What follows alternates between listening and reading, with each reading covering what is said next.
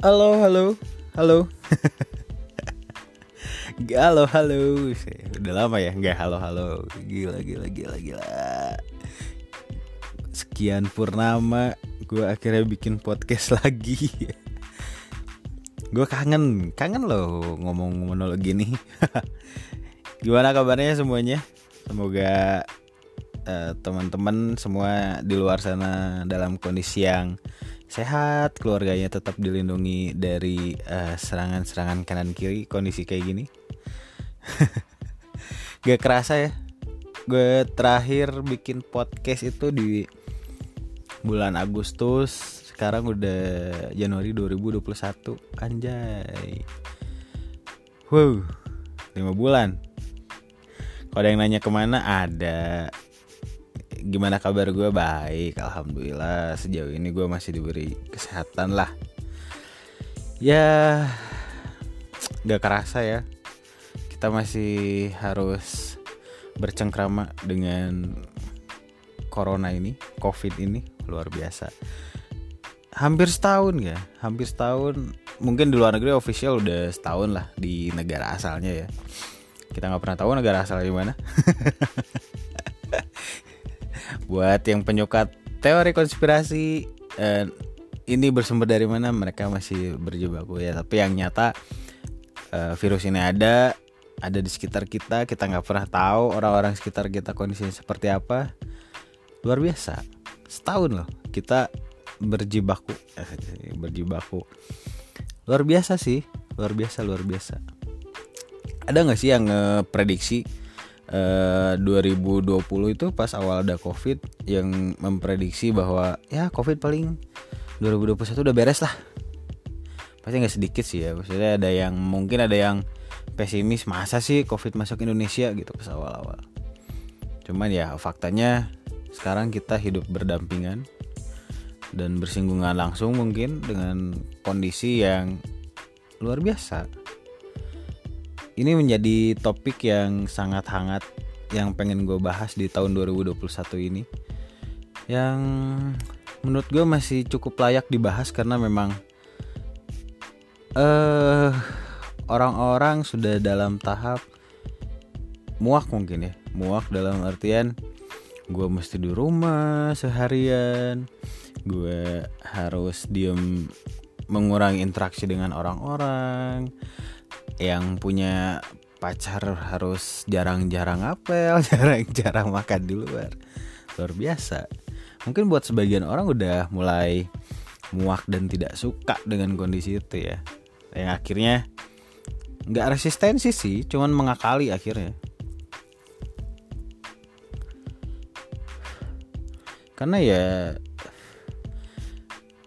kalau misalkan dalam sikapnya melakukan resistensi terhadap kondisi eh, sekarang yang harusnya ke mana-mana harus pakai masker ya 3M lah cuci tangan pakai masker dan menjaga jarak. Kalau misalkan tidak sesuai 3M itu ya eh, kamu melawan semua orang gitu. Ya meskipun kita nggak pernah tahu ya maksudnya apakah orang yang menjaga jarak melakukan 3M itu uh, mereka memang mengaplikasikan untuk dirinya sendiri dan orang lingkungannya atau memang hanya untuk diakui sebagai bagian dari masyarakat gitu. Kita nggak pernah tahu yang penting kita sama-sama lah ngejaga kondisi harus sama-sama menjaga lingkungan. Ya sayangin orang yang lo sayang lah. Toh faktanya sekarang covid dalam kondisi yang Indonesia hampir sehari bisa sampai 14 ribu, 13 ribu kondisi yang ya dengan persentase orang yang diperiksa pun lebih banyak dari pas awal-awal. Tapi memang ya mau nggak mau kita harus seperti itu ya. Maksudnya dalam artian kita nggak pernah tahu perkembangannya seperti apa tanpa kita cek dan tes gitu.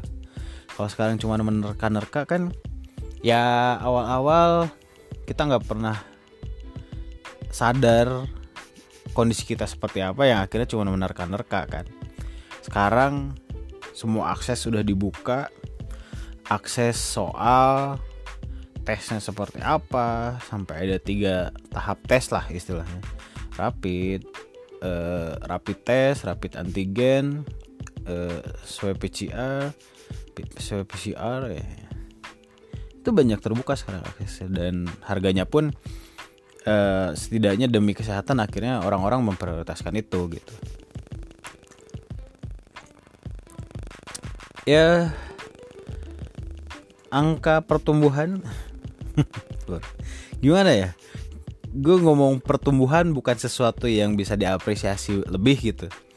Ketika kita ngomongin uh, pertumbuhan angka covid Indonesia yang semakin hari semakin banyak ya sebetulnya ini berbanding lurus dengan uh, jumlah penduduk di Indonesia kan. Maksudnya jumlah penduduk Indonesia yang 200 juta orang lebih yang harusnya mungkin di atas 40% harusnya dites karena dengan sampel 50% dari penduduk Indonesia akhirnya e, bisa ketahuan bahwa cukup tinggi atau cukup terkontrol kondisinya ya kita memang harus seperti itu. Cuman ya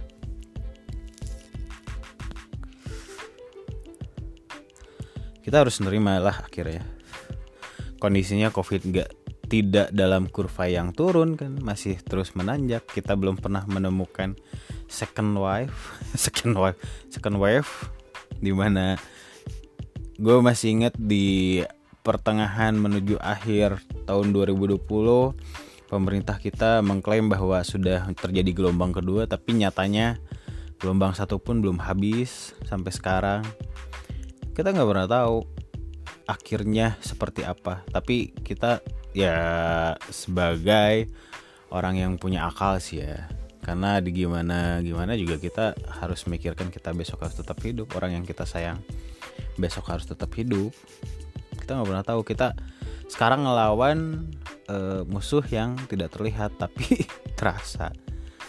Dengan kondisi sosialnya yang udah mulai orang-orang yang ya yang di awal gue bilang orang-orang mungkin udah mulai muak dengan WFH orang-orang yang sudah mulai muak dengan social distancing orang yang mulai muak dengan PSBB pembatasan kegiatan. Ya entah sampai kapan ya mungkin untuk uh, orang seorang manusia yang selalu berinteraksi full activity gitu. Ya ya memang seperti itu. Cuman memang ya kita harus sadarin lah bahwa semua segmen sekarang sudah terkenal akuin lah.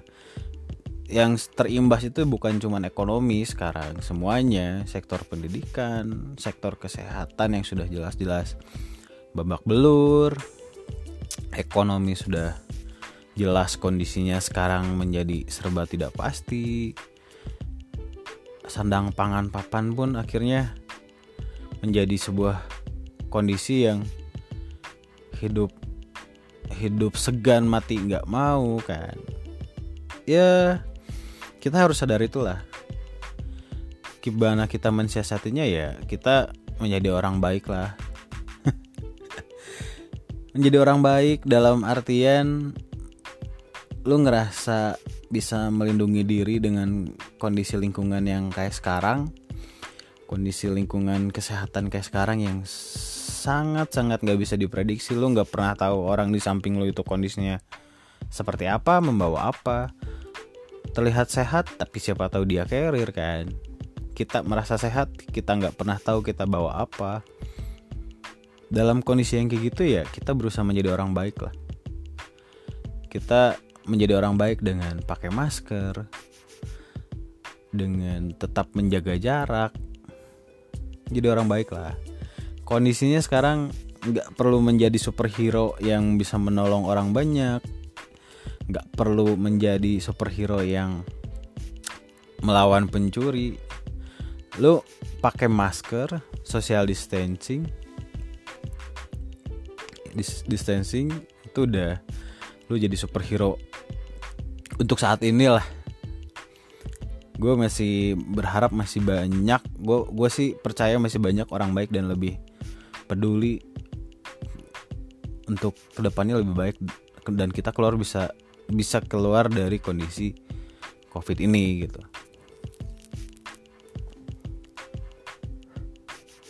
Lu nggak kangen ngumpul langsung sama teman-teman. Apa lu nggak kangen kondisi kantor yang sudah kembali normal? Apa lu nggak kangen semua aktivitas lu nggak dibatasin lagi? Kalau misalkan lu ngerasa kangen semua aktivitas normal lu ya sekarang jalanin lah jadi orang baik dengan pakai masker minimal. Ada orang yang nggak pakai masker di samping lu ya selama lu bisa sampaikan sampaikan lah buat pakai maskernya. Kalau misalkan memang lu ngerasa segan dan merasa lu nggak peduli ya lu baik buat diri lu sendiri lah kondisinya sekarang. Ya gimana ya? Kita si kemuakan sosial itu udah menyerang ke segmen ya kalau misalnya kita ngomongin soal strata sosial malas juga sih ngomongin strata sosial tapi lebih ke kelas sosial lah ya. Kalau strata kan kesannya memang bertingkat dan gak bisa ditembus tapi kita ngomongin kelas sosial yang sekarang udah mulai merasa muak banget kan sebetulnya kelas sosial menengah tanggung kalau kelas atas sih mereka masih coba bermain aman tapi untuk kelas menengah tanggung ini mereka yang udah mulai merasa muak dengan kondisi akhirnya. Mereka yang merasa gue paham nih covid ini mesti gimana mensiasatinya. Gue akhirnya melakukan hal A B C tapi ternyata itu bisa merugikan kelas sosial menengah. Apalagi apa yang lo kejar dari kepuasan menahan diri gitu? Ya demi besok bisa hidup lebih enak lagi. Tapi ketika kelas menengah tanggung ini merasa gue baik-baik nih gue bisa mensiasati gue bisa berkumpul gue bisa uh, berwisata dalam tanda kutip tanpa melihat protokol kesehatan. Itu kan sebetulnya kelas-kelas menengah yang tanggung menurut gue. Yang sebetulnya dengan ke egonya enggan untuk lebih peduli dan karena posisi muak aja. Di awal pandemi yang menurut gue memang harus berdarah-darah.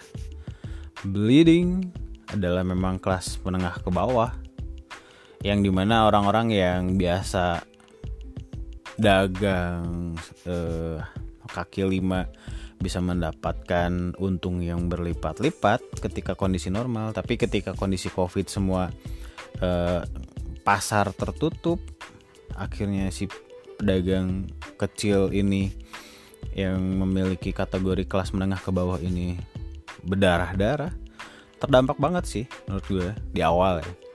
Tapi ketika mereka sudah berdarah-darah hampir genap satu tahun covid ini gue liatnya kelas eh, ekonomi perkembangan ekonomi menengah itu menurut gue ya. Maksudnya karena indikasi eh, pasar sudah mulai rame pasar tradisional dalam artian pedagang kaki lima sudah berangsur meskipun omsetnya tidak senormal sebelum covid ini mereka berhasil lolos dari lubang jarum sementara ini. Tapi yang sekarang terserang adalah menurut gue sih pendapat gue pribadi adalah kelas sosial ekonomi menengah tanggung itu gitu ketika mereka merasa muak dan merasa pengen uh, dan mampu dan pengen mengeluarkan hasrat-hasrat sebagai kelas menengah yang mampu melakukan apa pun mereka nggak sadar bahwa kondisinya sedang carut marut sekarang gitu. Carut marut ya gimana ya? Ketika kelas sosial kelas ekonomi menengah ke bawah ini mereka berdarah-darah di awal dan akhirnya mereka memahami kondisi. Sikap adaptif mereka lebih menurut gue ya survive. Mereka lebih bisa akhirnya bisa membuat mereka bertahan gitu. Yang tadinya anggaplah ada pedagang yang tadinya omsetnya satu juta per hari ketika mereka berkurang menjadi 15 ribu, 500 ribu per hari setengahnya mungkin atau misalnya kurang dari setengahnya ketika awal mereka berdarah-darah akhirnya pada porsi yang menerima gitu. Tapi apakah si kelas menengah eh, tanggung ini bakal bisa menerima dengan kondisi seperti itu saat ini? Ketika hasrat eh, hasrat kemam hasrat merasa mampu melakukan segala hal itu mereka masih menutupi. Mereka nggak sadar gitu kondisinya bahwa mereka sedang berdarah-darah sekarang gitu tapi apakah mereka sadar kondisinya mereka sedang berdarah-darah? Termasuk saya apakah sedang sadar? Kalau dari sisi saya saya sedang mengintrospeksi. Nggak sih kalau misalkan gue gue dari uh, akhir tahun lalu udah mulai mengintrospeksi apa sih apa yang bakal terjadi nih di 2021 kira-kira dampak apa sih? Kayak mungkin lebih ke soto sih tapi memang yang namanya eh bayangan ke depan kan sebetulnya bisa tergambar dari sekarang sih ya. Maksudnya dengan pola-pola yang kejadian sekarang kemungkinan bakal terjadi nih. Di bulan ke depan dua bulan ke depan tiga bulan ke depan gitu. Ya untuk rekan-rekan yang merasa sedang posisinya muak terhadap kondisi uh, ya kita menjadi orang baik lah. Baik lagi kata gue. Ketika lo merasa muak terhadap kondisi ya lu berusaha menjadi orang baik untuk diri sendiri dan orang yang ada di samping lu. Keluarga lu anak lu orang tua lu ya lu menjadi orang baik lah untuk orang-orang sekitar lu yang lu sayangin gitu. Di luar keengganan lu peduli terhadap perkembangan covidnya seperti apa apa yang terjadi itu jangan sampai menutup mata hati lu untuk menjadi orang baik yang peduli terhadap lingkungan gitu yang kata gue tadi sempat sampaikan lu nggak perlu jadi seorang pahlawan yang menangkap orang jahat untuk saat ini. Lu cukup uh, memakai masker jaga jarak dan tidak berkerumun itu sudah menjadi pahlawan lah. Untuk kondisi yang sekarang ya untuk siapa pun karena memang kondisi sekarang nggak bisa diprediksi sih gue sengaja ngebahas ini di podcast gue setelah balik setelah menghilang sekian bulan dan membahas lagi ini di awal karena memang nggak akan ada habisnya eh, kondisi seperti sekarang dan tingkat eh, ke, frustasi terhadap kondisinya itu nggak akan habisnya. Gue cuman berusaha membagi mengajak semoga semuanya bisa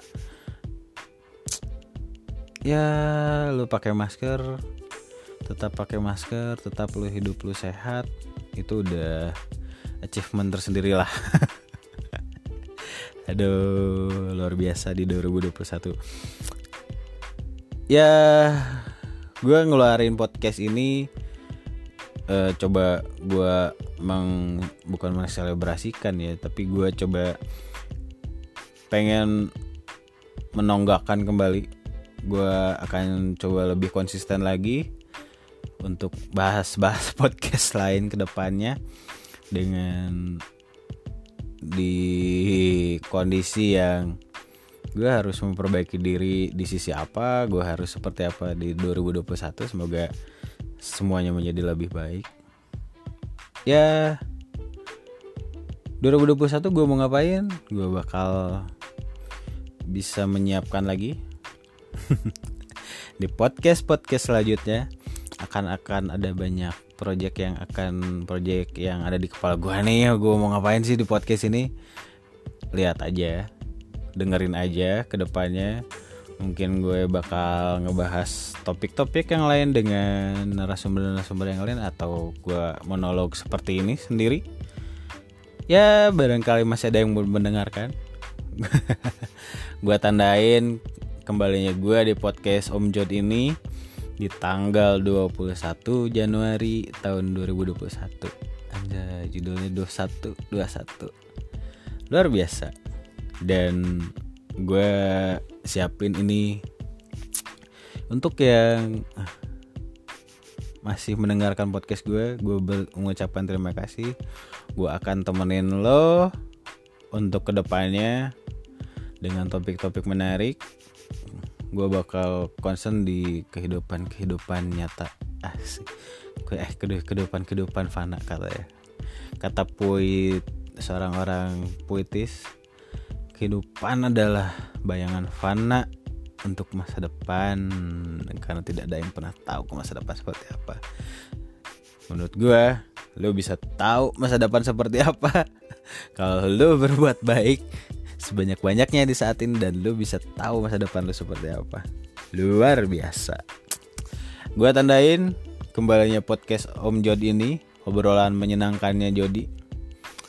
Di tanggal 21 Januari tahun 2021 21 21 dengan semoga podcast ini 21 menit.